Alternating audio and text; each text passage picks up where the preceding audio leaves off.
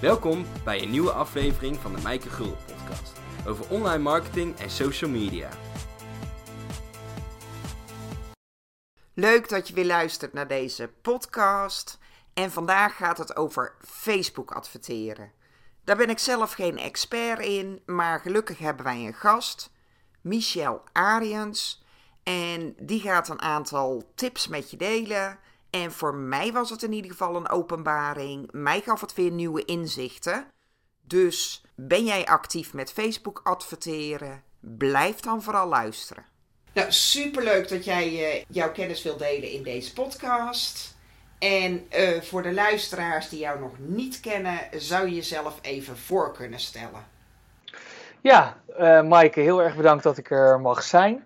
Um, ja, voor de mensen die mij niet kennen, ik ben uh, Michel Ariens. Ik, uh, ik heb een achtergrond in, uh, in uh, zowel start-ups eigenlijk als in grote multinationals zoals Unilever. En eigenlijk ben ik altijd bezig geweest met hoe kan je je merk nou zo goed mogelijk en zo efficiënt mogelijk aan de juiste mensen laten zien. En vanuit die interesse ben ik eigenlijk ja, vooral in de digitale marketing gerold. En met name gekeken hoe kun je dat nou als kleine ondernemer, maar ook als heel groot merk zo goed mogelijk uh, realiseren. Dus, um, dus ik heb nu mijn eigen uh, marketingbureau en wij doen eigenlijk digitale marketingstrategieën voor, ja, voor, ieder, voor iedereen die daar interesse in heeft. Ja, en dan doe je de hele marketingstrategie of echt die focus ook op campagnes draaien en adverteren? Ja, we doen eigenlijk uh, het, het, hele pakket. Omdat wij geloven dat je zowel het stukje content maken uh, als de strategie die daarachter zit, hè, hoe wil je je merk eigenlijk neerzetten, uh, wil combineren met het stukje uitvoering. Omdat, maar daar zal ik vandaag ook nog wel verder op terugkomen, omdat je graag die data direct wil koppelen aan de productie. Zodat je altijd met de beste informatie en de beste inzichten bezig bent. Ja, maar het uh, startpunt is zeg maar dan eerst uh, adverteren of campagnes draaien. Of stel dat ik zeg van, uh, nou, hè, ik kom bij jou, van kan je mij helpen? Hoe pak je dat dan aan? Nou, het leuke is eigenlijk dat, um, um, is eigenlijk zo dat, dat er is er zijn voordelen voor organisch en er zijn voordelen voor adverteren op social media. Ik, laat ik even de focus op dit moment leggen op social media. Um, en de, reden, de voornaamste reden waarom adverteren goed werkt, is omdat je veel meer inzicht hebt in de data. Wie heeft er gekeken? Wat werkte goed? Wat werkte minder goed? Dus wat wij eigenlijk doen, is als wij beginnen met, met, een, uh, met een partij, dan kijken we eigenlijk heel erg naar: oké, wat zijn nou de vragen of de doelgroepen die die partij graag zou willen bereiken? En gebeurt dat op dat moment? En dat doen we eigenlijk in combinatie met het merk zelf. En dan gaan we eigenlijk echt op zoek wie is de doelgroep en, hoe pak, en wat vinden zij interessant om te zien. Um, ik weet niet of je misschien, laat ik het concreet maken. Als we het hebben bijvoorbeeld over um, een badkamerleverancier. Ja. Um, wat je dan bijvoorbeeld hebt is, uh, een badkamerleverancier zou kunnen zeggen, iedereen in Nederland heeft een badkamer. Dus in principe is mijn doelgroep heel Nederland. Maar wat wij dan eigenlijk, uh, waar wij mee helpen, is dan te bepalen wat zijn dan eigenlijk al die kleine subgroepjes? Wat zijn al die kleine doelgroepjes waarin heel Nederland bestaat? Dus denk bijvoorbeeld aan gezinnen of studenten of samenwonende mensen of mensen met een immigratieachtergrond of mensen die graag uh, die veel van huis zijn, mensen die expats zijn, mensen die huren, mensen die uh, luxe uh, huizen kopen. ga zo maar door. Ja. En wat we dan eigenlijk gaan doen is op zoek, wat vindt iedereen nou het meest interessant om te horen als het gaat om een badkamer? Dus een student die wil heel veel hele andere informatie hebben over badkamers dan bijvoorbeeld uh, het gezin wat een, uh, wat een extra kind gaat krijgen. Of uh, de expat die tijdelijk in Nederland woont. Iedereen wil een ander stukje informatie over hetzelfde product. En wij helpen eigenlijk mensen en merken dat zo goed mogelijk te vinden. Wat dat voor hun is. Ja, want dat is altijd belangrijk. Hè? Of je nou betaalde of gratis content gaat delen. Het is altijd heel erg belangrijk dat je weet voor wie je die content maakt en wat hun interesses zijn. Ja, en de, ik denk dat de grootste valkuil van de tegenwoordige tijd eigenlijk is dat mensen en merken eigenlijk al denken te weten wie hun doelgroep is en al denken te weten wat zij interessant vinden. Maar wat wij eigenlijk zien is dat zodra wij beginnen samen te werken met iemand, dat de gedachten die onze uh, klanten hebben eigenlijk niet overeenkomen met wat de markt laat zien. En dus door die data inzichtelijk te maken, uh, is het altijd heel grappig om dat verschil te zien tussen wat een marketingmanager denkt, uh, wat het publiek eigenlijk wil zien, en wat de data eigenlijk laat zien. Want dat doen jullie puur op basis van data. Je gaat dus niet met die mensen in gesprek om erachter te komen wie nou hun ideale klant is, wat hun interesses zijn, maar je gaat puur af op die data.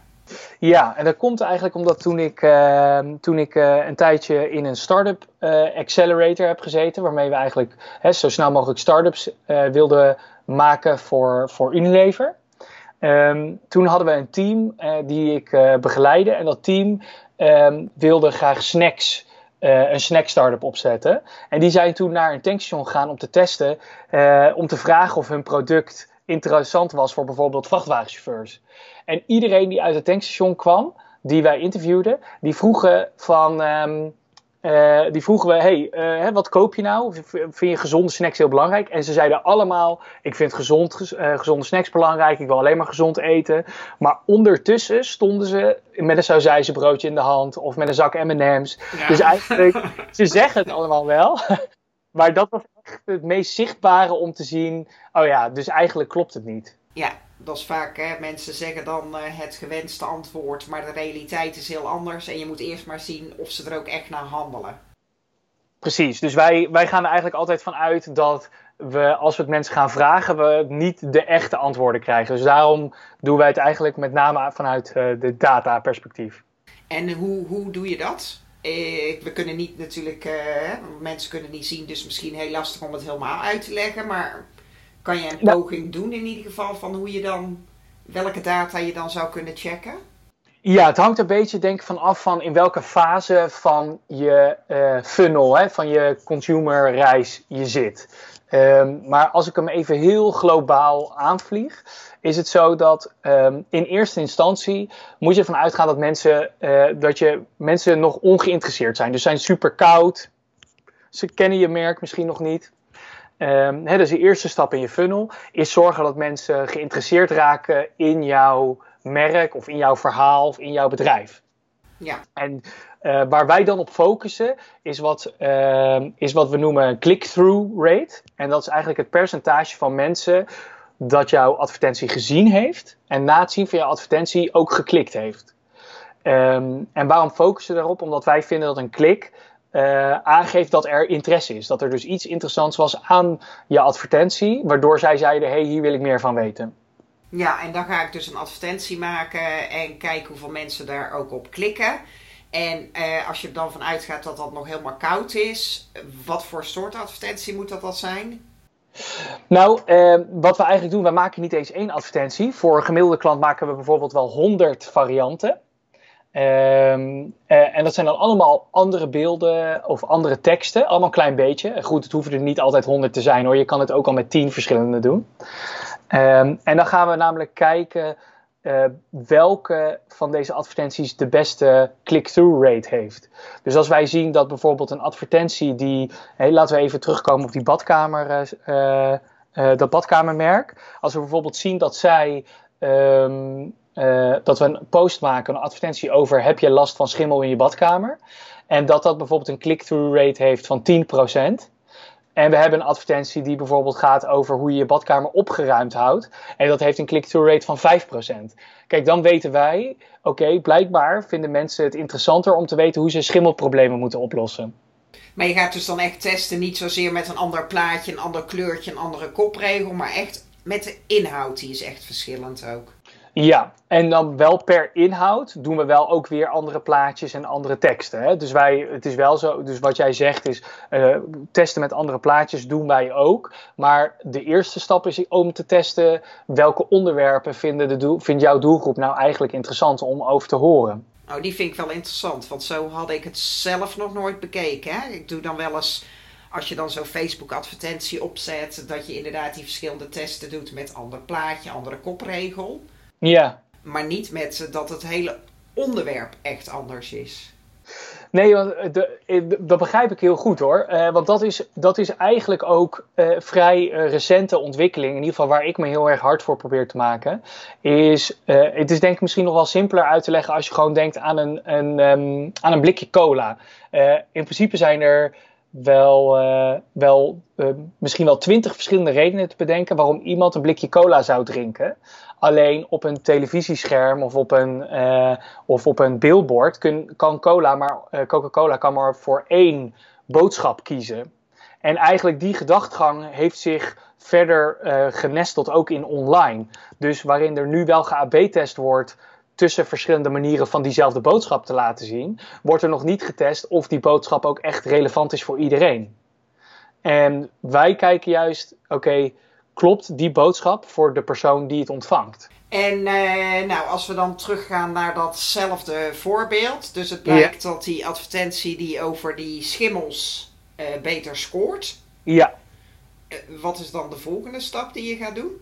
Nou, dan, um, dan weten we dit is dan één voorbeeld. En ons doel is natuurlijk uiteindelijk om voor, uh, als we de badkamerspecialist uh, in, in het achterhoofd houden, die heeft misschien wel tien doelgroepen, is om inzichtelijk te maken welke onderwerpen voor welke doelgroepen interessant zijn. Dus als we het hebben over die schimmel, die is misschien interessant voor doelgroep A. Maar doelgroep B is misschien weer geïnteresseerd in hoe stel je je badkamer, om maar iets te zeggen. Uh, als we uiteindelijk die onderwerpen hebben, dan is de volgende stap eigenlijk om binnen die onderwerpen te gaan testen wat jij net zei. Namelijk welke manier van die boodschap vertellen werkt het best. Dus welk type plaatje, welke type tekst werkt dan het best. Dus dat is stap 2 ik vond uh, zeg maar gewoon een advertentie in Facebook uh, opzetten. Als je dat een beetje serieus aan wil pakken. Ja. nou, dat vond ik al lastig. maar als ik dit hoor, zit ik helemaal zo van. Uh... nou, het is. Het is het, ik, ik kan me heel vaak. Dat, dit is een opmerking die ik heel vaak krijg. Ook met name als we zeggen van we willen bijvoorbeeld 100 advertenties maken. Dat ik heel veel uh, partijen hoor die meteen schrikken van, oh, uh, hoe moeten we dat nou aanpakken? Maar wij hebben eigenlijk, um, speciaal omdat dit onze gedachtegang is, daar allerlei systemen voor bedacht om dit zo uh, slim en snel mogelijk op te kunnen zetten. Dus um, wij kunnen dit eigenlijk in vrij korte tijd, kunnen we dit goed opzetten, waardoor uh, en als je er, we, hebben ook klanten die bijvoorbeeld zelf willen meekijken. En eigenlijk binnen, binnen een paar weken hebben ze zelf door hoe ze dit snel kunnen opzetten. En ja, dan gaat het best wel rap eigenlijk. Ja, kan je daar dan een aantal tips voor geven? Hè? Stel dat ik nu zeg, ja, ik ga nieuwe training in de markt zetten. Een training over social media. Surprise, surprise. en um, ja, daar wil ik een nieuw publiek voor aanboren. Maar ik uh, uh, heb nog niet het budget om meteen met jullie uh, aan de slag te gaan. Hè, om ja. dat helemaal uit te denken. Dus ik wil daar zelf eerst een opzetje mee maken. Hoe zou ik dat dan aan kunnen pakken? Want voor mij is dan die 100 verschillende advertenties niet echt doen. Niet haalbaar. Nee. Nou, wat wij eigenlijk aanraden is, we nemen eigenlijk de gedachtegang, dus de, de, de, mentale vragen die je moet beantwoorden voordat je aan de slag gaat, die zijn eigenlijk belangrijk. Dus we hebben eigenlijk drie stappen die we doen. En dit is eigenlijk zoals we de workshop ook met onze klanten doen. Dus, die, uh, dus daarmee nemen we ze eigenlijk door deze drie stappen. En stap 1 is eigenlijk het opschrijven van uh, wie zijn allemaal jouw mogelijke doelgroep. Dus in het geval dat je het hebt over social media training, dan zou het natuurlijk misschien wel gericht kunnen zijn op een specifiek uh, specifieke industrie. Misschien is het wel uh, uh, nou, social media training voor zorginstellingen, bij wijze van. Ja. En dan is de vraag: bedenk zoveel mogelijk doelgroepsegmenten binnen die, waar, die jij graag wilt targeten. Um, en dan zeggen we: probeer dan een lijstje te maken van tussen de 5 en de 15. Waarbij altijd de zoektocht is om niet over leeftijd na te denken. Dus altijd over gedrag. Ja. Nou, als je die stap hebt gezet, dan zeggen we stap 2 is eigenlijk het nadenken van wat is nou de reden voor ieder van die doelgroepen uit stap 1 om geïnteresseerd te zijn in jouw aanbod. Of dat nou een product of een dienst is, maar in jouw geval dus die training. Uh, dus wat is voor iedere doelgroep nou de reden dat zij geïnteresseerd zouden kunnen zijn in jouw training? Dus ook daar schrijf dan uh, drie redenen op. En er zal best wel wat overlap zijn, maar ons uh, advies is altijd om zoveel mogelijk unieke redenen te bedenken. Ja. En dan stap drie is eigenlijk wat wij noemen de content thema's. En dan moet je nadenken over welke onderwerpen mag ik het als bedrijf of als merk het over hebben. En ik geef altijd het voorbeeld van toen social media net begon. In, uh, dit was echt in de vroegere jaren, toen Facebook er net was, had je bedrijfspagina's. En heel veel bedrijven gingen daar meteen op. En toen was, uh, toen was bijvoorbeeld Bacardi, die dan op vrijdagavond en donderdagavond aan mensen ging vragen: Jongens, wat zijn jullie plannen? Ga je nog iets leuks doen dit weekend? En daar reageerden mensen allemaal super enthousiast op. En toen zag je andere merken eigenlijk die vragen uh, emuleren. Dus je zag uh, bijvoorbeeld een wasmiddel uh, ook die vraag stellen: jongens, wat gaan jullie doen dit weekend? En daar reageerden mensen juist super negatief op. Omdat zij zoiets hadden van: ja, daar heb jij niks mee te maken, want jij bent een wasmiddelmerk. Ja. Dus wat wij altijd zeggen als stap 3 is: bedenk even de, de onderwerpen waar jij het als merk over mag hebben. Dus als je social media training geeft, bijvoorbeeld als we dus zeggen social media training voor zorginstellingen, dan zou je bij wijze van spreken dus onderwerpen uh, moeten bedenken die raakvlak hebben, dan wel met social media, dan wel met zorginstellingen, dan wel ergens daartussenin. Ja. Um, nou, als je die drie uh, stappen hebt gezet, dan heb je eigenlijk voor jezelf al een soort van contentstrategie. Ja, dan weet je van dat zijn je haakjes, zeg maar, waar je dan die advertenties aan op gaat hangen. Precies. En als je het dan heel simpel wil beginnen, uh, wat we dan eigenlijk zeggen is, dan moet je nu voor iedere. Um, uh, dus als we hem dan nu dit naar Facebook zouden moeten kopiëren, dus je wil starten met adverteren, dan zeggen we dus: oké, we noemen dit even campagne A. Daar maak je dus advertentiesets uh, voor iedere doelgroep aan. Dus als je 10 doelgroepen hebt, moet je 10 advertentiesets aanmaken. En daar dus dan die doelgroep uh, targeten. En als je dan die 10 advertentiesets hebt gemaakt, dan wil je binnen iedere advertentieset uh, één of twee advertenties maken op basis van de redenen, hè, die stap 2, de redenen waarom jouw doelgroep geïnteresseerd zou moeten zijn in jouw product. Ja. En wat we dan eigenlijk doen, is het crossen van die advertenties. Dus als je gaat kijken bij doelgroep 1, die heeft dus twee advertenties. Maar wat we dan doen is, wij weten niet zeker of die twee advertenties voor doelgroep 1 niet ook interessant zouden kunnen zijn voor doelgroep 5. Dus daarom kopiëren we dan dus al die advertenties die we per doelgroep hebben gemaakt naar alle andere doelgroepen. En zo krijg je dus, als het goed is, krijg je dus uh, één campagne met zeg even 5 tot 10 advertentiesets. En iedere advertentieset heeft twee unieke advertenties. En voor de rest de kopieën van de advertenties van de andere sets. Ja. Als het nog, uh, als het nog uh, volgt. Ja, ik denk alleen mensen die wel eens zelf een advertentie opgezet hebben in Facebook, die weten waar je het over hebt. En anders dan zitten ze waarschijnlijk met, uh, met, met de oren te tuteren. Van waar heb je het nu, uh, waar heb je het nu over? Maar ik denk dat de belangrijkste boodschap is: je gaat eigenlijk je content zo breed mogelijk uitzetten. Ja. Om eerst even te testen van, hè, ik kan wel denken dat dit onderwerp interessant is voor die doelgroep, maar misschien blijkt dat helemaal niet zo te zijn. Dus eigenlijk ga je dat eerst testen. Precies. Ja, en precies dat. Wij zeggen eigenlijk ook altijd, en daar zijn onze klanten ook altijd over verbaasd. Als ze bij ons komen, dan denken ze dat we meteen gaan zeggen: Oké, dit en dit moet je doen. Maar wij geven ook altijd aan: wij hebben geen idee wat jouw doelgroep wil. We hebben geen idee wat, wat ze willen zien. En sterker nog, jij als klant hebt ook geen idee. Dus wij gaan gewoon proberen dat uit te zoeken. Ja, en dan heb je die advertentiecampagne lopen. Ja. En dan krijg je daar de resultaten. Dus dan weet je welke uh, onderwerp matcht bij welke doelgroep. Juist. En wat is dan de volgende stap? Als je dan weet welke uh, uh, onderwerpen en welke um, doelgroepen het meest interessant zijn, dan ga je daarop door. Dus stel dat je tien doelgroepen hebt en eigenlijk zijn drie daarvan mega interessant. Um, en je weet dus ook van die drie welke onderwerpen het meest interessant zijn. Dan ga je dus met name content maken in die richting.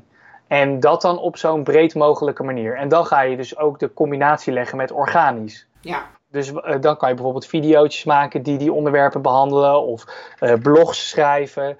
Um, dus dan ga je meer de balans zoeken tussen adverteren en organisch. Ja, maar het is dus belangrijk om eerst echt aan de hand van data erachter te komen welk onderwerp het meest interessant is. Ja, dat raden wij wel aan.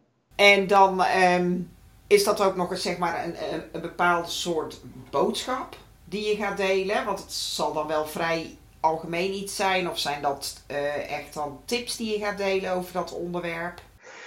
Nou, uh, dat is een goede vraag. Uh, wat wij eigenlijk altijd aanhouden is dat we ervan uit moeten gaan dat iemand een post maar één keer ziet en jouw bedrijf nog niet kent en misschien ook niet wil kennen.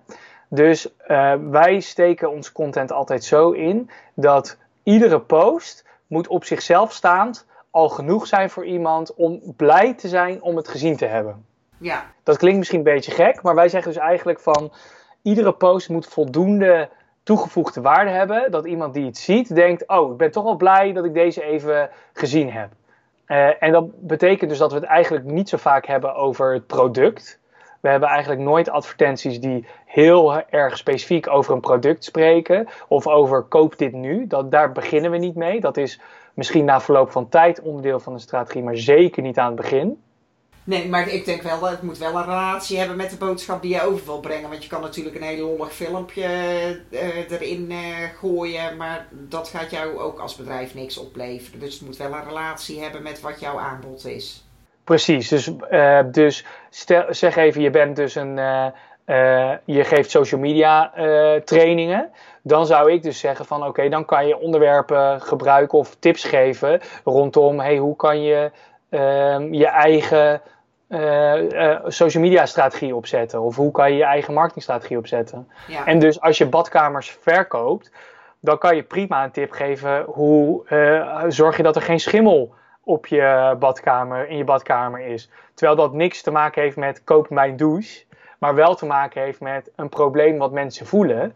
Ehm, en ze dus wel kan helpen op die manier. Ja, en dan uh, als je dan verder gaat, dus zeg maar uh, dat je nog maar die uh, drie doelgroepen hebt die het beste werken en waar je ook weet welk onderwerp. Ja. Heb je daar dan nog tips voor wat voor soort content? Want dan neem ik aan dat je ook eerst nog waarde gaat geven en niet meteen hoppa. Je bedoelt qua organische content? Ga je dan niet door met adverteren? Ja, jawel. Je blijft doorgaan met allebei. Dus je wil dan een meer een balans zoeken.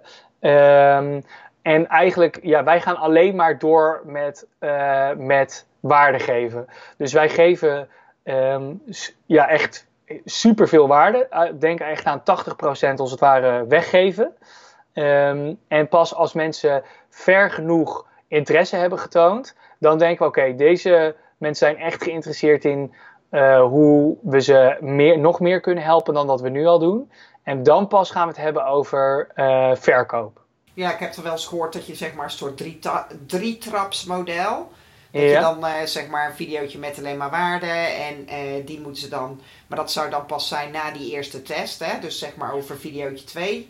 En ja. die moeten ze minimaal voor zoveel procent gekeken hebben. Dan krijgen ze ook de volgende video te zien. En ook als ze die voor minimaal zoveel procent gekeken hebben, dan krijgen ze zeg maar de conversie of de sales pitch of hoe je het dan ook wil noemen.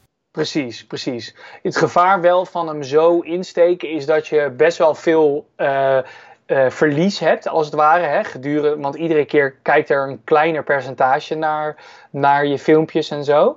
Uh, dus wij proberen die, die retargeting regels wel zo soepel mogelijk te houden.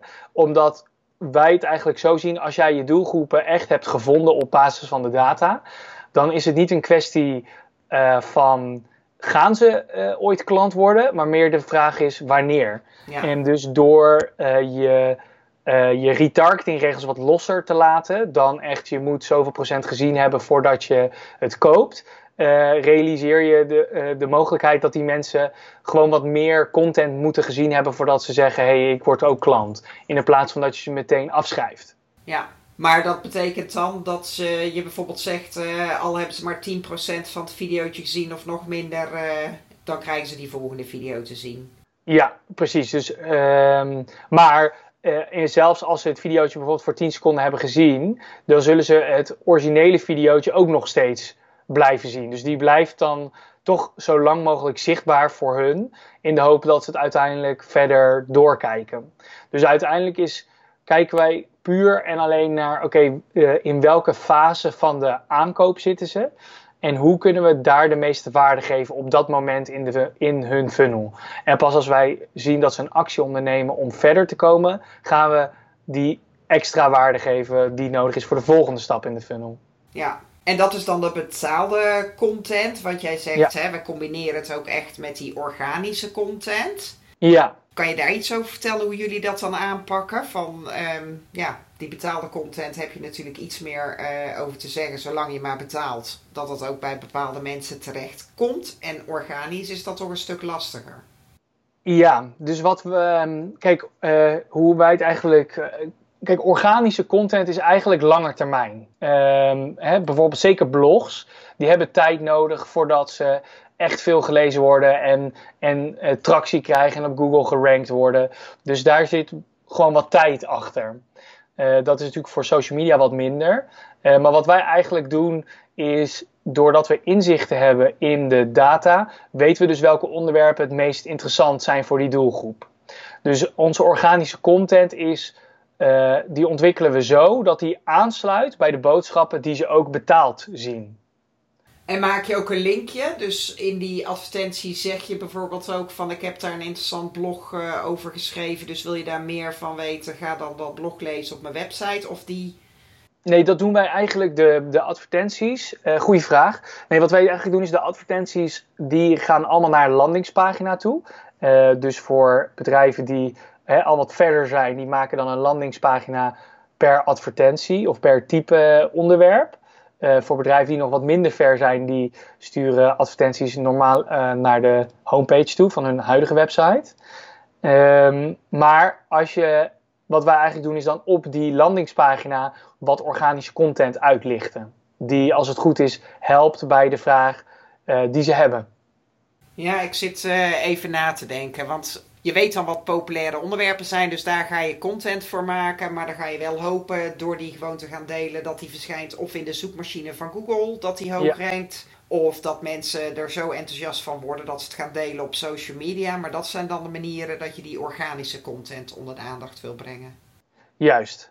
En omdat je dan met die advertenties, hè, die contacten jou inmiddels wel kennen. Je bent niet meer helemaal koud, maar ze hebben al een keer iets van je voorbij zien komen hoop je dat ze dan ook die interesse hebben om die content uh, te gaan consumeren.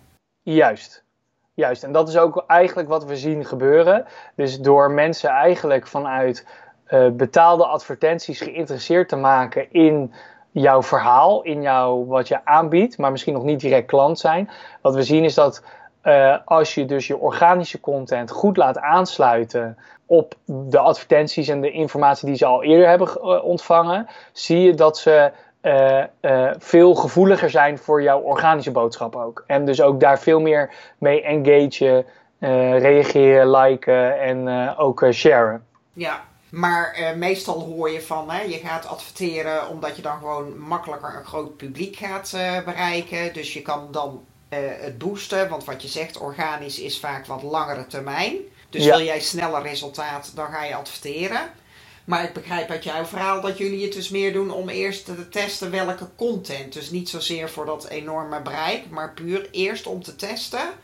En stap 2 is dan wel dat grote bereik. Of begrijp ik het dan verkeerd? Nee, dat klopt. Dus kijk, adverteren is, al, is altijd om inderdaad het bereik te vergroten. Je moet het een beetje zien, wij zien het een beetje als een vliegwiel. Dus um, uh, adverteren is bedoeld om uh, nieuwe um, geïnteresseerden te vinden, nieuwe volgers. Um, en je organische content is uiteindelijk ook om die volgers een beetje te nurturen en te laten zien wat je allemaal kan en uiteindelijk te converteren. En dus je advertenties die zorgen vooral bij de, de, de, je zegt dat, de influx van nieuwe volgers. En eventueel voor de laatste stap het converteren. En je organische content is bedoeld om mensen geïnteresseerd en aangelijnd te houden met jouw bedrijf en jouw verhaal. Ja, om en uh, inderdaad ook een beetje die bevestiging uh, als ze nog meer willen. Of uh, inderdaad de relaties warm te houden. Omdat mensen misschien niet meteen de beslissing nemen. Precies. Maar dat betekent dan eigenlijk dat je wel non-stop zou moeten adverteren. En niet alleen als je denkt, oh ik ga nu een training lanceren, nu heb ik dus meer mensen nodig. Dus nu ga ik daarop inzetten, maar dan ben je daar eigenlijk vol continu mee bezig. Ja, wij, wij geloven dus ook niet in, in ja, de traditionele vorm van campagnes, laten we het maar zeggen. Hè, dus niet, we gaan nu even we noemen het even de woonmaand. Dus we gaan nu een maand lang adverteren en daarna is het weer voorbij. Omdat in principe mensen altijd in de markt kunnen zijn voor iets. En dus weet je, de bedragen waarmee je adverteert hoeven niet per se super hoog te zijn. Nee, maar wel als ik 100 advertenties uh, moet laten lopen.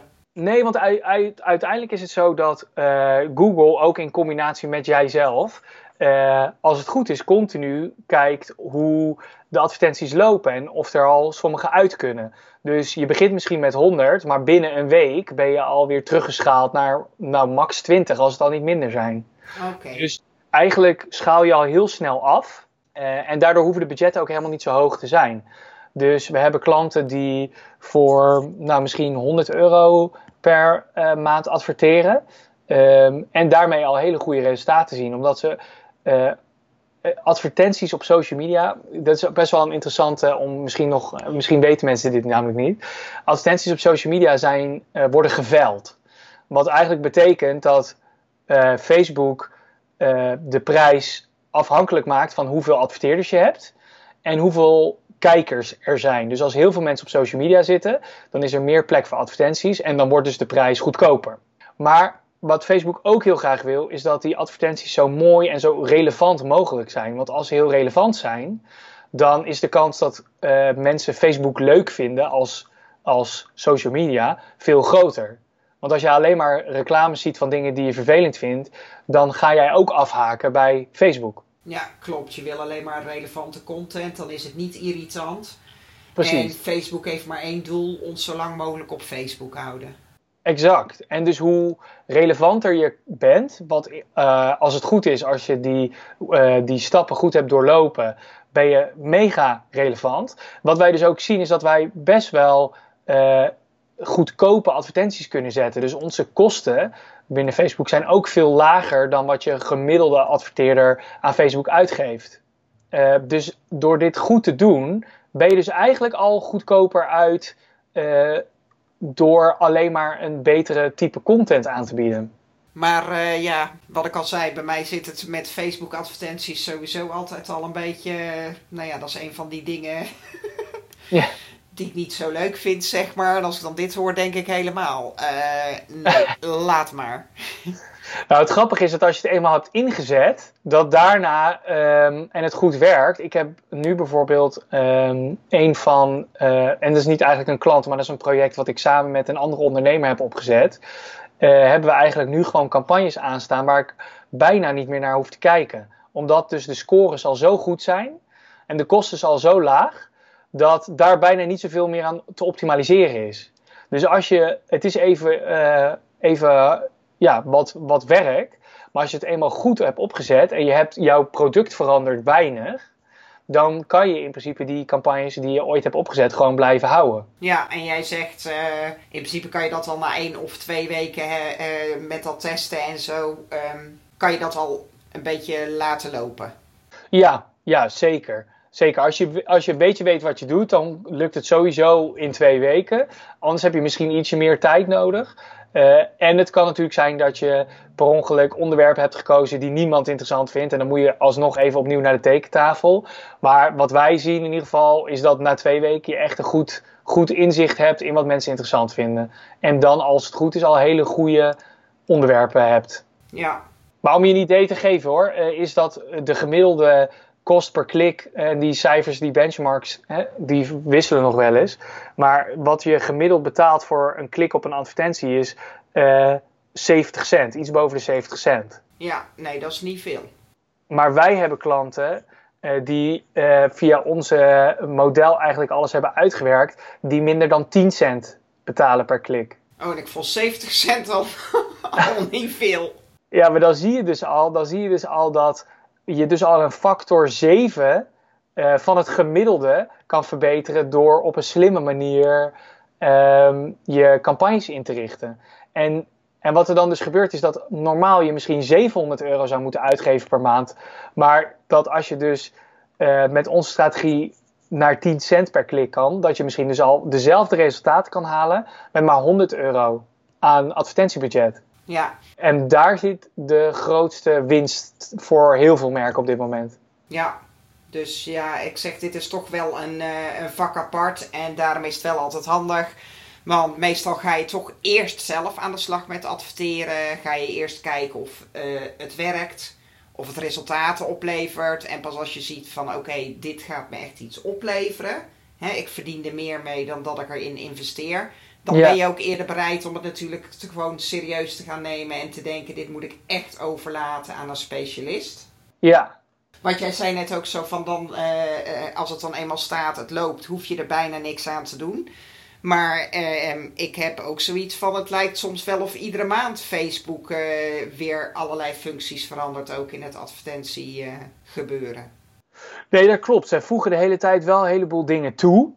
En je hebt ook steeds meer tools, die je hebt ook dynamische advertenties van Facebook. En wat dat eigenlijk dan gebeurt, is dan gaan zij zelf de varia variaties maken. Dus dan maak jij maar vijf advertenties en dan maken zij er zelf honderd van. Het nadeel van al die extra functies is eigenlijk dat het alleen maar bedoeld is voor mensen die. Uh, Zoals mij, die er niet ja, zo handig mee zijn. Ja, maar eigenlijk wat we zien is iedere keer als ik Facebook loslaat voor onze klanten uh, uh, en uh, het systeem het laat doen, dat eigenlijk de scores altijd slechter zijn dan als je het zelf probeert. Dus die dynamische advertenties, die functie zeg jij, die is helemaal niet zo handig? Nou, uh, het grootste nadeel is dat het eigenlijk uh, heel moeilijk inzichtelijk te maken is wat dan precies mensen interessant vinden. Dus als jij een dynamische advertentie hebt die verschillende beelden heeft, verschillende plaatjes en verschillende teksten, dan weet jij niet meer op welk tekstje en welk plaatje hebben ze echt geklikt. Wat vonden ze nou het meest interessant? deze insteek had ik niet. Dus dan koos ik gewoon, oh, dat wordt hem. Precies, maar als je dus graag inzichtelijk wil hebben welke onderwerpen vinden ze leuk en wat vinden ze interessant, ja, dan werken die dynamische eh, advertenties juist helemaal niet fijn, want dan heb je zelf te weinig toegang tot de data. Ja, nou, uh, schoenmaker blijft bij je leest. Ik, uh, ik hoor alweer dat ik er echt veel te weinig verstand van heb. um, Want ik vond het juist, uh, ik denk, nou, dat is weer super handig om even wat dingetjes te testen. En dan inderdaad komt daar een winnaar uit. En dan denk je, nou, dat wordt hem. Maar nou hoor ik dus weer van, nou, dat is helemaal niet handig. nou, weet je, wat de grap eigenlijk is, is dat um, ik kan me heel goed voorstellen dat mensen denken, ik ga het eerst even zelf proberen. Of wat, wat ik eraan kan doen en of het de moeite waard is om in te investeren. Alleen doordat te veel, uh, hè, als er dan slechte resultaten uitkomen, uh, wat logisch is omdat niet iedereen daar ervaring mee heeft, uh, stoppen mensen ermee en dan hebben ze eigenlijk niet door wat er allemaal mogelijk was. Ja, nee, maar je hebt wel zeg maar dan in het begin en best wel een kapitaal nodig. En als je natuurlijk nog niet zo lang bezig bent of nog niet zoveel verdient, want we hebben het nu over Facebook, maar je kan natuurlijk ook gaan adverteren op LinkedIn of op Twitter of op Pinterest, Instagram. En um, als je dat dan allemaal uit wil gaan testen, dan heb je daar toch wel een bepaald budget voor nodig. Klopt. Uh, dan moet ik wel zeggen dat ons doel uh, als bedrijf voor ons is in ieder geval om te zorgen dat mensen nooit meer geld kwijt zijn dan dat ze waarschijnlijk zelf kwijt waren geweest als ze het zelf hadden geprobeerd. Ja. Dus wij proberen natuurlijk altijd de kosten door betere strategie te gebruiken, uh, juist te verlagen um, in de, ja, hoe zeg je dat? Uh, in de advertenties zelf. Maar jij zei al, wij doen het hele pakket en dan kan ik me voorstellen, want nou kunnen jullie, hè, stel dat ik nu zeg, oh, um, ik heb echt te weinig verstand, kunnen jullie mij helpen met mijn advertenties? En die advertenties die gaan uh, helemaal perfect, ik betaal maar die 10 cent per klik. Ja. Maar uh, als dan de rest van mijn funnel gewoon niet klopt of het product gewoon moi, niet zo goed verkocht wordt, dan heeft dat natuurlijk ook helemaal geen nut. Nee, dus wat wij eigenlijk uh, vaak ook verbreden, is dat we voor mensen die zeker weten: dit is het product wat ik wil verkopen, dit is sowieso het beste wat er werkt. Uh, ja, dan, dan doen we eigenlijk alleen maar de advertenties. Maar er zijn heel veel mensen die ook nog een beetje twijfelen van is dit de beste manier? Of zit ik nog een beetje te twijfelen over hun prijs? En wat wij dan eigenlijk mee helpen is ook het maken van bijvoorbeeld landingspagina's en, en uh, nieuwe testen ook van, van de rest van de funnel en daarin optimaliseren. Ja, want je moet eigenlijk van achter naar voor beginnen. Hè? Je moet eerst weten wat wil je uiteindelijk verkopen. En dan helemaal gaan bedenken hoe die funnel eruit ziet. Ja, maar het zou natuurlijk kunnen zijn dat wat jij bedenkt, wat je wil verkopen, dat niemand dat interessant vindt. Dus eigenlijk wil je, moet je achter en aan de voorkant beginnen. Want je moet eigenlijk ook testen van klopt uh, mijn idee van mijn product met wat mensen eigenlijk willen. Ja, dat zeg ik ook wel eens. Ga dat eerst, voordat je het helemaal maakt, ga je dat eerst testen. En een mogelijkheid is om te gaan adverteren. Of in ieder geval content te maken. Of verschillende soorten content. En dan kijken waar inderdaad uh, het meeste interesse in is. Precies, precies. Super interessant uh, dit in ieder geval ja, we kunnen niet alles behandelen, zeg maar, in deze uitzending. Maar het heeft mij in ieder geval alweer een ander inzicht gegeven. Hè, dat ik dus uh, niet alleen maar moet testen op kleurtjes, foto's, maar eigenlijk het heel anders moet gaan bekijken. Dus ik denk, ook als wij klaar zijn met dit gesprek, zal dit nog wel eventjes in mijn kopie doorwerken. Ja. Is er nog iets wat jij eigenlijk ook ziet als mensen dus willen gaan adverteren of voor hun organische content? iets wat eigenlijk heel vaak fout gaat, waar jij mensen nog een tip voor zou willen geven? Ja, eigenlijk, uh, en, uh, eigenlijk, ik heb er een paar. De belangrijkste is eigenlijk uh, dat je moet ophouden met adverteren alleen maar over je product. Dus ik zie heel veel merken die bijvoorbeeld berichten promoten of adverteren over we hebben deze prijs gewonnen. Of we hebben uh, we hebben een nieuwe, nieuwe versie van, van ons product. Of kijk hoe trots we zijn op we hebben dit gemaakt. Want dat is alsof, uh, alsof iemand nu in de kroeg naar een random vrouw zou lopen, of man, en zou zeggen: hey, ga je met mij mee naar huis? Ja. Weet je, die, die mensen die dat bericht zien, hebben nog geen band met jou, geen band met je bedrijf, met je merk. Dus door gewoon random te zeggen: kijk, we hebben een nieuw product, dat boeit niemand. Nee, je gaat dus echt uh, interessante content, dus je gaat eigenlijk waarde leveren voor de ontvanger. Precies, je moet eerst een gesprek voeren. Je moet, uh, je moet een beetje relatie bouwen. Ja. Uh, en dus dat is de allerbelangrijkste tip. En ik denk altijd, uh, ik heb heel veel mensen ontmoet die bijvoorbeeld zeggen: Kijk, we hebben een hartstikke goede digitale marketingbureau. Of we hebben een hartstikke goede digitale marketingkennis in huis. Um, maar die dan niet meer echt uh, objectief kijken naar wat, wat is de performance op dit moment. En doen we het echt zo goed als dat we zouden kunnen. En omdat er best wel veel benchmarks hier en daar uh, rondzweven, zeg ik altijd van als jij uh, op social media een betere click-through rate hebt dan 2,5 tot 3 procent, dan mag je ophouden met optimaliseren. Hoewel ik, wat mij betreft, moet je nooit ophouden, maar dan, dan doe je het goed. En als je dus een kost per klik van 20 cent of minder hebt, dan doe je het ook goed. Maar al het andere betekent dat er nog heel veel ruimte is voor verbetering. Die is er bij mij duidelijk. Nog. Nou, uh, super dankjewel voor uh, deze tips en in ieder geval voor de nieuwe inzichten. Voor mij in ieder geval. Ik hoop dat meer mensen hier iets aan hebben. Stel dat er nou iemand luistert die, die denkt, maar dit is interessant. waar kunnen ze dan meer over jou vinden? Uh, in principe uh, kan, iedereen mij gewoon vinden op LinkedIn. Dus gewoon Michel Ariens. Of op de website van, van onze agency. Dat is May Brand Builders. In het Engels. Eigenlijk dus de maand mei.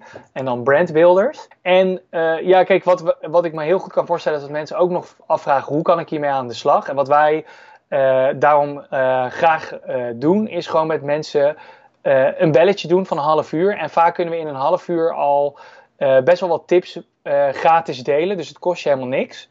Um, om mensen al een beetje op gang te helpen.